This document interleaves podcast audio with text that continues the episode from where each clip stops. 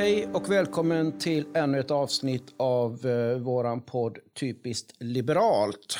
Jag som pratar just nu är Per Jonsson, politiskt engagerad men eh, framför allt eh, liberal. Med mig idag har jag Dag Hardesson. Hej Dag, vem är du? Jajamän, jag är ju ordförande i Liberalerna Gräs och en gammal folkpartist också. Jag är Liberal sedan många, många år.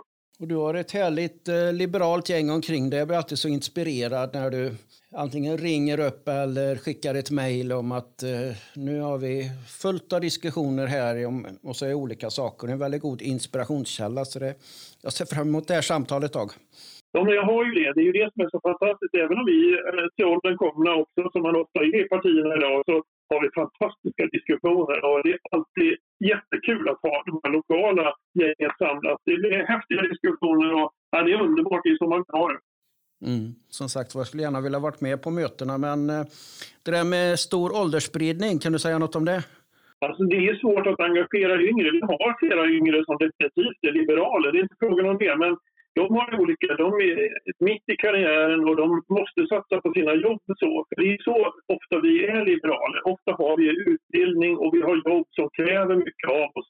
Och då är det väldigt svårt att engagera sig politiskt. Tyvärr, det är så. Det tycks nästan som att det blir när man blir lite äldre och man, som att man har den här tiden att göra det. Nej, jag håller helt med dig och eh, även om vi har sagt att det är viktigt att få med ungdomar och att det är viktigt för demokratins utveckling för att lära mer om demokrati i tid, vårda demokratin. Men de personerna som knyter sig till vårt parti är ofta personer med eh, ofta väldigt eh, avancerade jobb, höga positioner som eh, det är svårt att kombinera. Det är när man slutar jobben som eh, man på allvar kan komma igång med de politiska uppdragen. Och då har man ju med sig en enorm kunskapsbank och erfarenhet.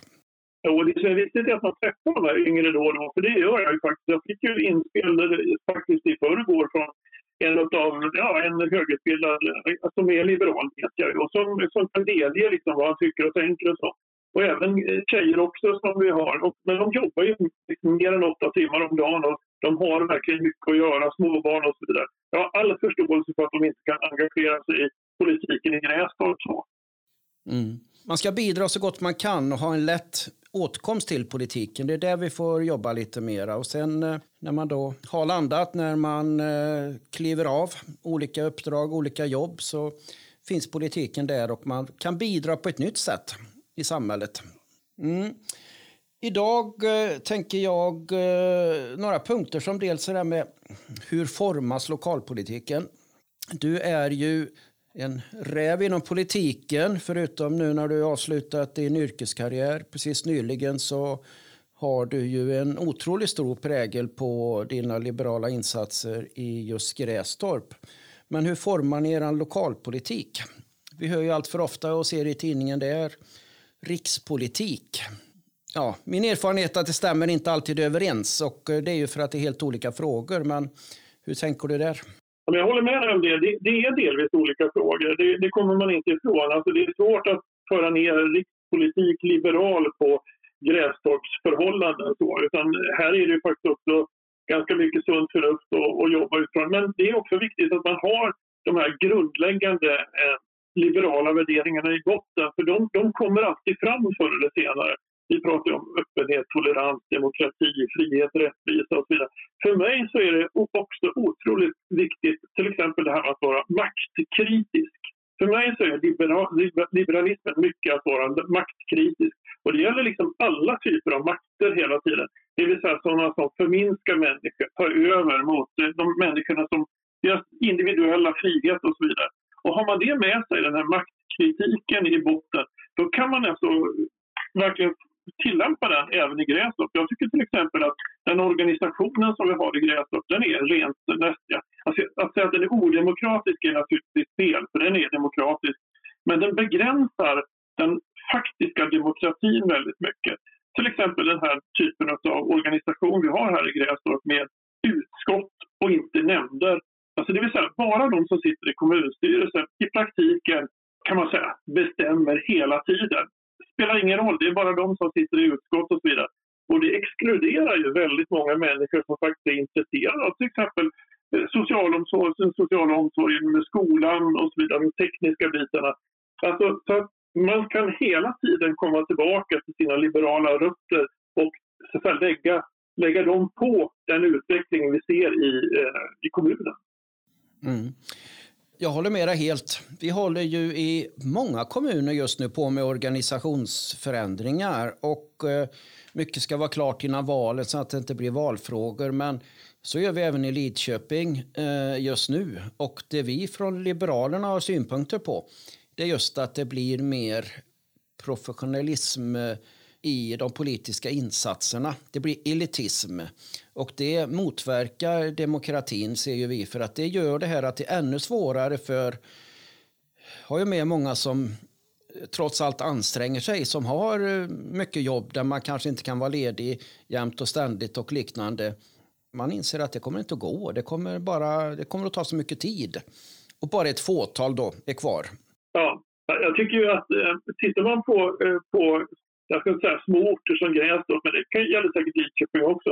Att I Grästorp är det så lätt att säga att vi är så bra i Grästorp och sen så är alla nöjda med det. Men egentligen så är det ju så att tittar man på jämförelsetal och så vidare så borde vi ha en mycket, mycket bättre situation än vad vi har med tanke på så att säga, den skatt vi betalar och det, det vi får ut utav Ja, det finns en ekonomisk aspekt i det hela också. Jag, tycker, jag tror att ett av problemen i Sverige rent generellt det är ju lite grann att folk är så nöjda med det de har och, och trots att vi betalar väldigt mycket skatt och har en relativt låg disponibel inkomst. Och det stör, det stör mig ganska mycket. Och det, som du vet så ja, vi är ju vi liberaler är också, alltså, vi, vi, är ju också emot den här stora statliga makten och även kommunala makten. Så vi, vi vill ju ha ett större civilsamhälle och att människor själva styr sig. Och jag tycker det är högprioriterat just nu att försöka förklara det till människor att det är faktiskt det är du som ska styra ditt liv. Du ska inte betala jättemycket i skatt utan det du ska få på skatten det är det du verkligen behöver. Eh, så att jag tycker det finns mycket att göra här och om man går tillbaka till våra grundläggande liberala värderingar så det finns att göra. Så var till exempel konkret 33,47 betalar vi skatt i, i Grästorp. Essunga betalar 33,05 det vill säga de är billigare än oss där. Grästorp har ju bara en enda tätort och den sköts inte speciellt väl kan jag säga. Många andra kommuner har många tätorter där de måste ha, där de måste ha service och sköta det hela vidare. Så du ser, man kan vinkla hela den här frågan. Så är det rimligt att man betalar så här mycket skatt i en kommun som bara har en tätort och som dessutom inte är speciellt välskött? Men, men det, det, det kan, i grunden så är ju det den här liberala synen att så här ska det inte vara. Med så här mycket skatt så ska man få mycket mer. Mm. Ja, men det är det som är så svårt att få förhållande på något sätt. För att det är ju som kvalitet inom skola. Vad får vi egentligen och hur vet vi vad som verkligen blir kvalitet, vad man kan åstadkomma? Det är därför jag är för att det finns även friskolor och jag tänkte vi ska prata lite friskolor sen också. Men att det finns i varje ort någon form av eh, friskoleetablering för att inte för att det är viktigt med en friskola och för att jag ska kunna välja utan vi måste ha någonting att jämföra med. Så att vi hela tiden vet vad får vi för skattepengarna och vad är det bäst möjliga. Ja, men det är precis. Det är väldigt mycket så. De här franchisingföretagen de gör ju ofta så att de, de, de eh, liksom lägger ut konceptet till olika företag. Det kan ju vara McDonalds eller vad som helst som är franchising. Men de driver ju ofta egna eh, restauranger också, precis som du säger. Bara för att man behöver ha de här referenserna så man ser att det är rimligt det man har i den här franchisekedjan. Så alltså, jag håller med dig, alltså, referenser är oerhört viktigt. Ja, så att man vet vad, vad man får ut av det. Och då, kan, då först kan man säga vad som är bra och inte bra. Ja, men, men, men, det är så också, det kommer en, en hel del såna här jämförande siffror från olika håll. Lärarförbundet, SCB. Och så tittar man på det och så är det väldigt lätt att man eh, kom, kommer fram till att ja, men det här var ju bra. Till exempel skolan i Grästorp. Så, så vi har ju då ja, man ligger på, på en viss nivå då. Man, man, man tycker att det här var väl bra. Men, men börjar man analysera det hela, vi ligger på väldigt högt i olika skolrankningar. Men, men till exempel om man vet att det, alltså 75 procent av Grästorpseleverna går ut eh, gymnasiet också efter tre år. Då kan många säga att det här är jättebra och det är jättebra utifrån ett svenskt förhållande. Men tittar du på Grästorps kommun, vi har alltså otroligt många behöriga lärare. Då kan man ju tycka att Men ärligt talat, skulle vi inte ha meritvärden som är väsentligt mycket högre än så här och borde inte 100 procent eller åtminstone 95 procent gå ut gymnasiet efter tre år? Så det, det, är så många som är glada när de får en siffra men det vi politiker måste göra det är ju liksom ändå analysera det vi får och se är det här rimligt utifrån de förutsättningar vi själva har. Ja, nej, du är helt på något väldigt intressant där och jag tror ju att det är någonting som du som lyssnare kanske någon gång emellanåt funderar på. Vad är det som gör att Liberalerna slåss för friskolor? Att vi tycker att det är viktigt samtidigt som vi vill förstatliga skolan. Och då kommer man ju liksom i den här, men kan de inte bestämma sig egentligen? Hur vill de ha skolan och vad är det för fel med den kommunala skolan som ju trots allt fungerar för det är det jag skickar mina barn till. Och om man benar i det där så just det där att vi vill förstatliga skolan det är ju inte att vi ser att det är viktigt att det just är en stat som styr, för det gillar ju inte vi, utan det är ju för att få ut fördelningarna till kommuner som är resurssvaga, som har eh, liten tillgång på skattemedel och liknande. Det betyder ju att ofta då att då är det mindre pengar som går till skola i den kommunen och då blir det så att du redan från början i unga år hamnar i en mycket jobbigare situation att klara dig därför att förutsättningarna i den kommunen är mindre jämfört med en annan kommun som väljer att satsa mer pengar. För skolan i sig är ju inte att så mycket pengar utan det är ju hur du fördelar den kommunala budgeten. Så först och främst ska du ha en budget och sen ska du fördela den ut på skolorna. Då säger vi att det där måste vara ett större ansvar än att kommunerna själva får styra över det där. Så att vi kan liksom då fördela resurserna jämnt så att det blir en bättre fördelning och jämnare. För det ska inte vara ett lotteri vilken skola eller kommun jag hamnar i. Exakt, det, det du säger är helt viktigt. Det är, det är självklart så att staten måste, måste gå in och styra upp medlen här på ett annat sätt. Det, det, det kan man ju se när man tittar på jämförelsesiffror i Sverige på elevers eh, resultat och så vidare och hur mycket kommunerna satsar. Det skiljer ju jättemycket och så, så ska det inte vara i ett, i ett civiliserat samhälle. Vi ska ju se till så att man verkligen får de resurserna man behöver. Men däremot så skiljer sig ju jag då från dig Per när det gäller så, därför att jag är inte lika positiv då till, till friskolor. Jo, det är jag. Jag är jättepositiv till friskolor, men inte till friskolor som kan dela ut överskott till sina aktieägare. Det där är jag definitivt emot. Och det kommer sig av att jag är liberal menar jag. För mig så är det viktigt att vi gynnar rörelser, eh, privata rörelser. Absolut, det är det vi ska göra. Jag är för kapitalism, det är den absolut viktigaste och mest Alltså den är otroligt effektiv, kapitalismen. Tänk på kommunismen som liksom förstörde hela kreativiteten. Medan titta på Kina, när man frigjorde då med kapitalism, vilken otrolig utveckling man har. Så kapitalismen är bra. Men det bygger ju på vissa kriterier. Så att det är, man brukar säga att rörelserna bygger på självständighet, varaktighet och vinstsyfte. Men vad är friskolorna egentligen idag? Jo, de har ju ingen självständighet. De får ju pengarna av kommunerna. Så det är, det är ju pengar som de inte själva påverkar. De kan, ju, de kan ju knappt påverka sina intäkter överhuvudtaget. Ja, det är ju det om de får fler elever till sig. Men de får ju liksom samma typ av skolpeng hela tiden. Och det är ju så att säga ett brott mot hela så att säga, den principiella uppläggningen av vad en rörelse är. Förr i tiden så skulle man inte acceptera att det ens var en rörelse därför att den är inte självständig på det sättet. Så emot, alltså jag är för kapitalism och då tycker jag friskolor och ut, att där man delar ut vinstmedel till aktieägare, det är emot hela strukturen. Så att jag, jag är emot den biten. Inte det att det skulle finnas, självklart finns det friskolor som gör ett väldigt bra jobb. Men, men det här är en en hybrid inom kapitalismen som jag inte alls gillar. Att skattepengar ska kunna delas ut till aktieägare, det, det förstår jag mig inte på. Jag vet att, eh, och varför jag hör och eh, förstår att du eh, är så engagerad, för det här är verkligen en fråga som jag har förstått att du brinner för och det är just den här skevheten gällande friskolereformen, men vi har den även inom sjukvården. Och tyvärr så kantrar ju den då när kritiker till friskolor använder eh, just den här med att flytta ut eh, skattade medel till vinster. När den debatten kommer igång så fördärvar den hela debatten gällande nyttan med friskolor och nyttan med etablering av eh, vårdcentraler och liknande som alternativ också. För man fokuserar på skatteuttaget istället för verksamheten. Därför måste vi komma till rätta med det, precis som du är på där.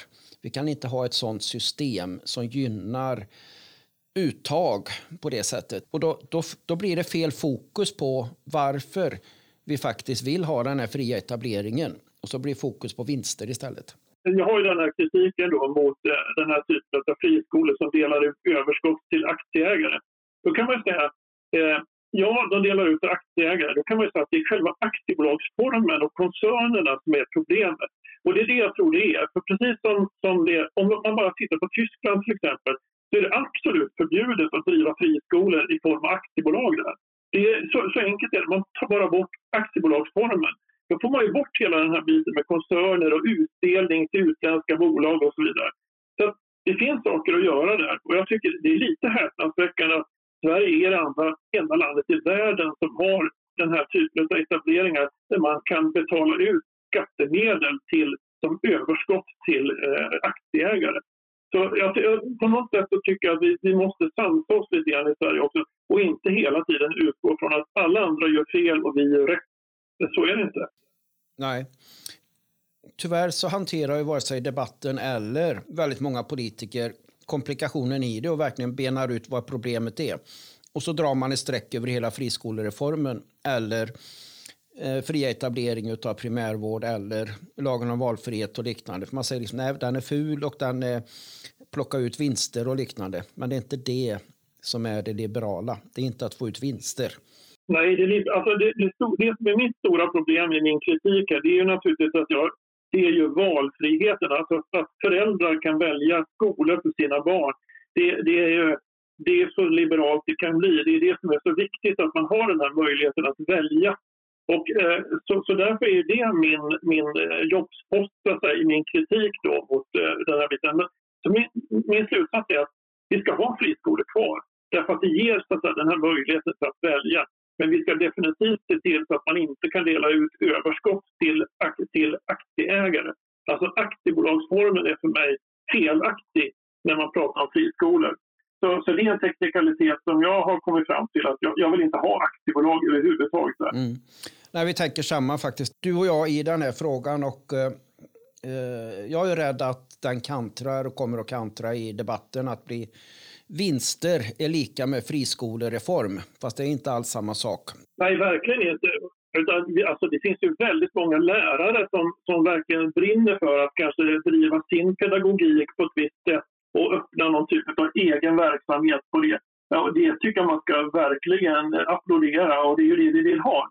Men vad vi inte vill ha, det är naturligtvis stora koncerner som köper in skolor, öppnar skolor i, och de öppnar som regel bara skolor det är lönsamt, så att säga. Där, det, har, det man har väl etablerade eh, föräldrar, föräldraskap, så att säga, kommuner som är välmående. Där öppnar man ju friskolorna och tar elever egentligen från kommunala skolor. Inget fel i det, men det, det skapar ju en turbulens där.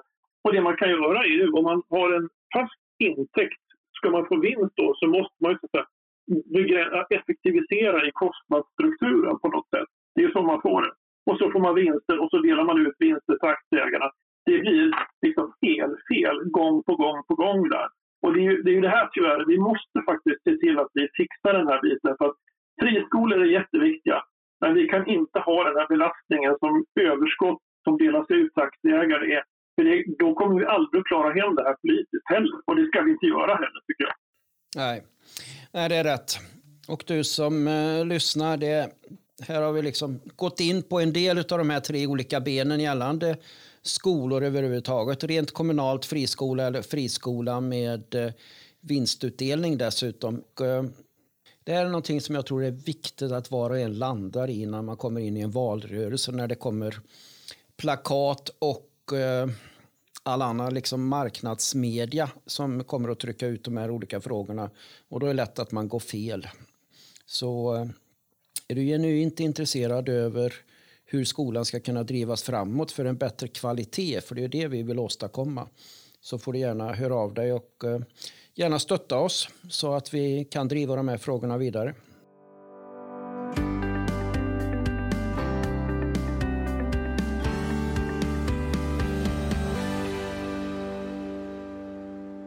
Om vi ska glida över på något helt annat. Det är ju det här med gängkriminaliteten. Som, det är inte själva skjutningarna i sig som oroar mig. Även om det är fruktansvärt att man idag eh, inte vet på vilket torg eller i vilken eh, köpcentrum eller liknande det kommer någon form av uppgörelse.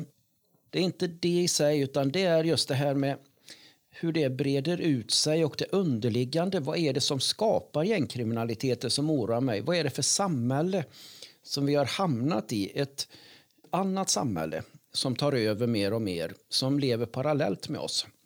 Ja, det, är, det är väldigt mycket i den här debatten. Därför att, eh, alltså vi har haft så otroligt många debatter. Bland annat har man ju pratat om det här med klaner, eh, parallella maktstrukturer. Vad är det för någonting? Eh, den bristande integrationen, vilken betydelse har den och så vidare. Bristen på poliser, att, att, att vittnesskydd, att man inte vittnar när det sker brott och så vidare. Och sen är frågan, vad är den grundläggande orsaken till alltihop? Och då har man ju i alla fall, jag förstår, Socialdemokraterna och många har väl kommit fram till att det finns faktiskt en koppling mellan den stora invandringen och brottsutvecklingen. Det är problemet att vi, då måste vi också se till att vi verkligen integrerar människor. Så att det är integrationen tror jag som är det A och O. Jag är lite inne på också att det faktiskt är för att det ska finnas ett intresse att hålla på med gängkriminalitet många gånger. Visst, det, det är olika kulturer och man brottas med eh, vi säger mycket heder och liknande inom olika kulturer. Det är en sak, men jag tror ju att narkotikan och liknande är en stor faktor för gängkriminalitet. Vi måste komma till rätta med narkotikan, tycker jag. Vi måste verkligen ta in med hårdhandskar för detta. För att det är ju, dels är det ju då de här uppgörelserna, gängkriminaliteten, det är mycket pengar i det här. Men framförallt förstör det ju våra ungdomar också. Det, det liksom är skadligt på alla sätt. Jag, jag ser också en fara i själva utvecklingen av drogerna med tanke på att det är så lätt att tillverka droger själv. Det är så att en stor del av drogtillverkningen sker ju i Sverige.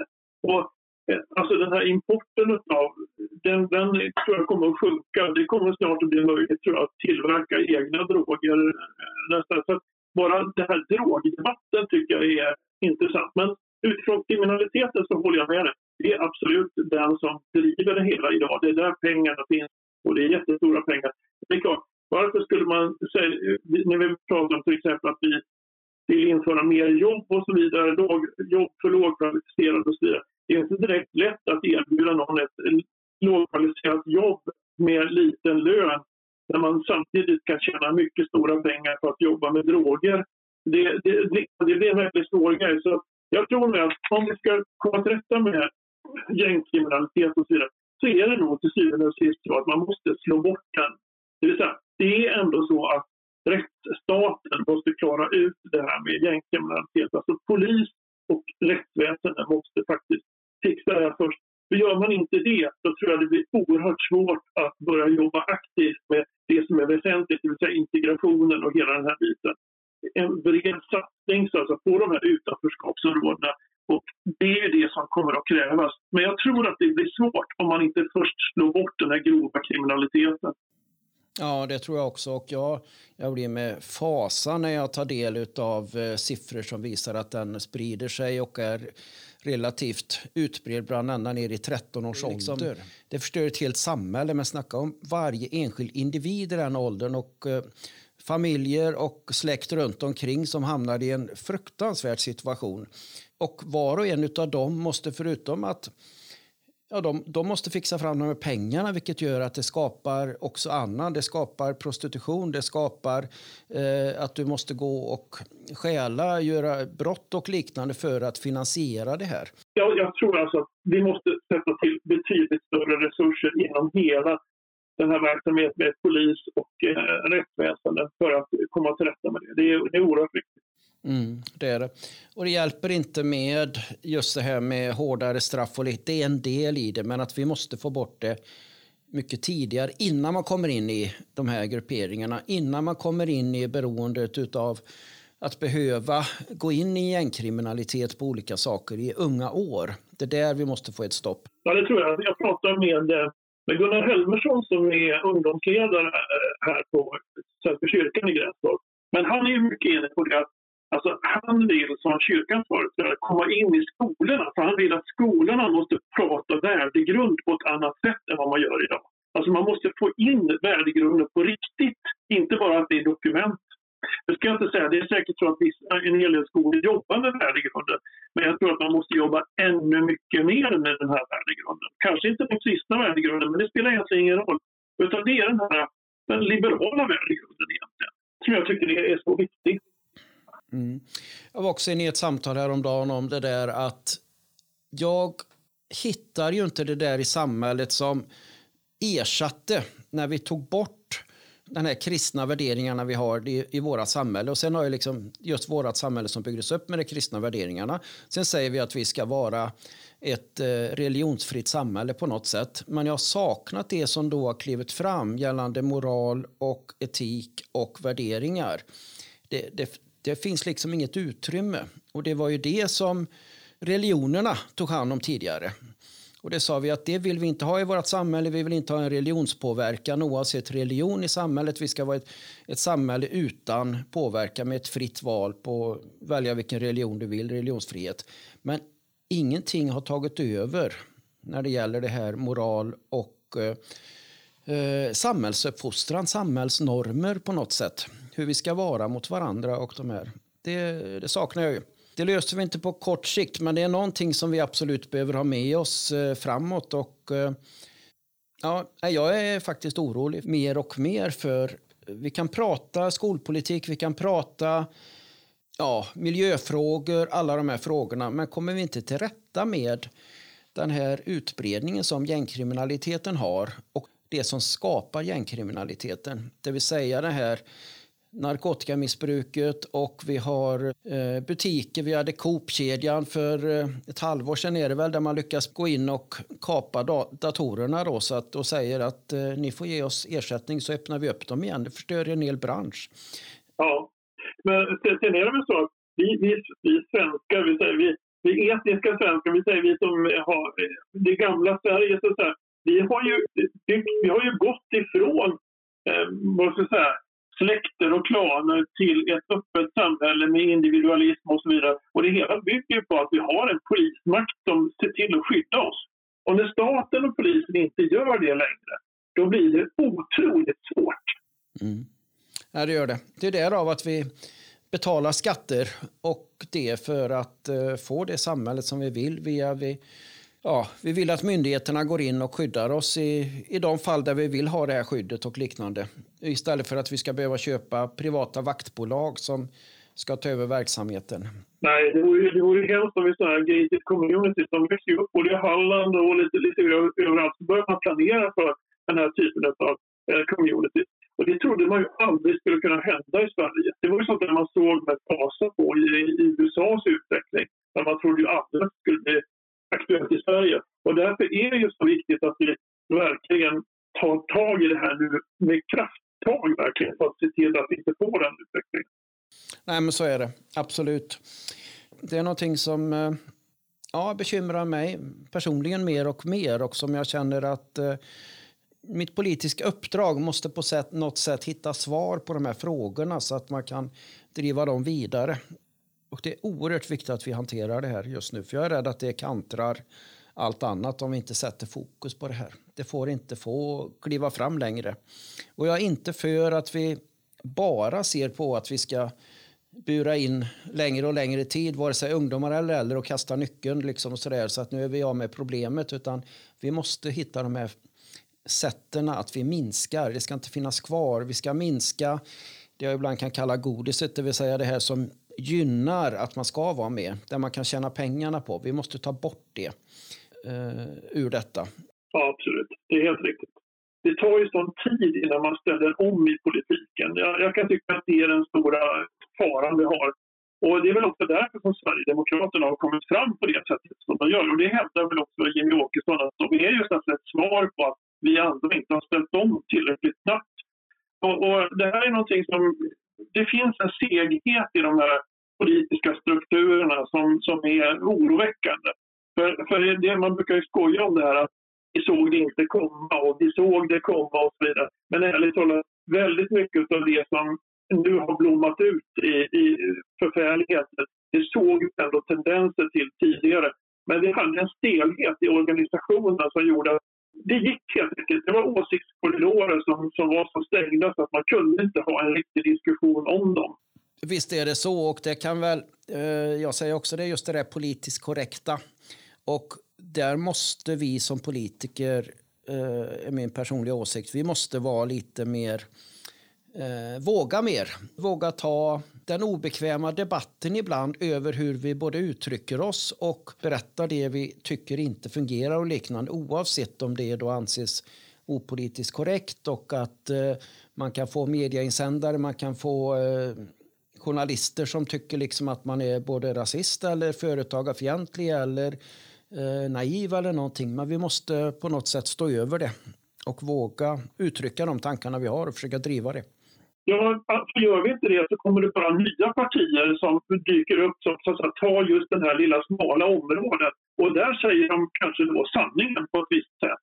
Och då går ju folk dit, fast det här partiet, de här nya partierna, de har ju ingen lösning på hela samhällets olika delar. Men de kan liksom profitera på en del av det här där vi inte har lyckats ställa om tillräckligt snabbt. Så jag tror att ska de etablerade partierna leva kvar på ett bra sätt med den här ideologiska grunden som vi ändå har och, och med den värdegrunden vi har som vi är stolta och som jag tycker är så viktig. Då måste vi kunna slå om snabbare och se olika typer av utvecklingar. För annars har vi hela tiden nya partier och i vissa länder så går det ju mer och mer mot ännu mer konservativa eller nationalistiska partier och så vidare. Och det är verkligen inte den utvecklingen jag vill se. Nej, verkligen inte. Absolut. Och vi måste ha mod att stå emot. Eh, för viljan finns där ju så att det får vi hjälpas åt. Jag ska försöka avsluta den här. Även om det har varit jätteintressant dag så går ju tyvärr tiden. Du och jag träffas ju i olika forum hela tiden men vi ska se om vi kan fortsätta även på det här forumet någon gång längre fram. Det är alltid kul att prata med dig och det är alltid kul att prata med Liberalerna för det är ju faktiskt ett parti som har otroligt mycket diskussionslusta hos oss. Och äh, alltså, det, det, är roligt att vara liberal, ärligt talat. Ja, det är det. Det är, eh, det är det de säger. Liberaler har mer kul och det stämmer faktiskt. Jag håller med om det. Du som lyssnare, vill du fortsätta diskutera de här ämnena så är du ju givetvis välkommen att höra av dig till Dag Hardison eller mig Per Jonsson eller så eh, mejlar du oss på någon av de mejladresser som du hittar när du googlar. Och eh, för övrigt så tackar jag dig Dag och sen eh, ser vi fram emot nästa poddinslag som kommer. Tack själv.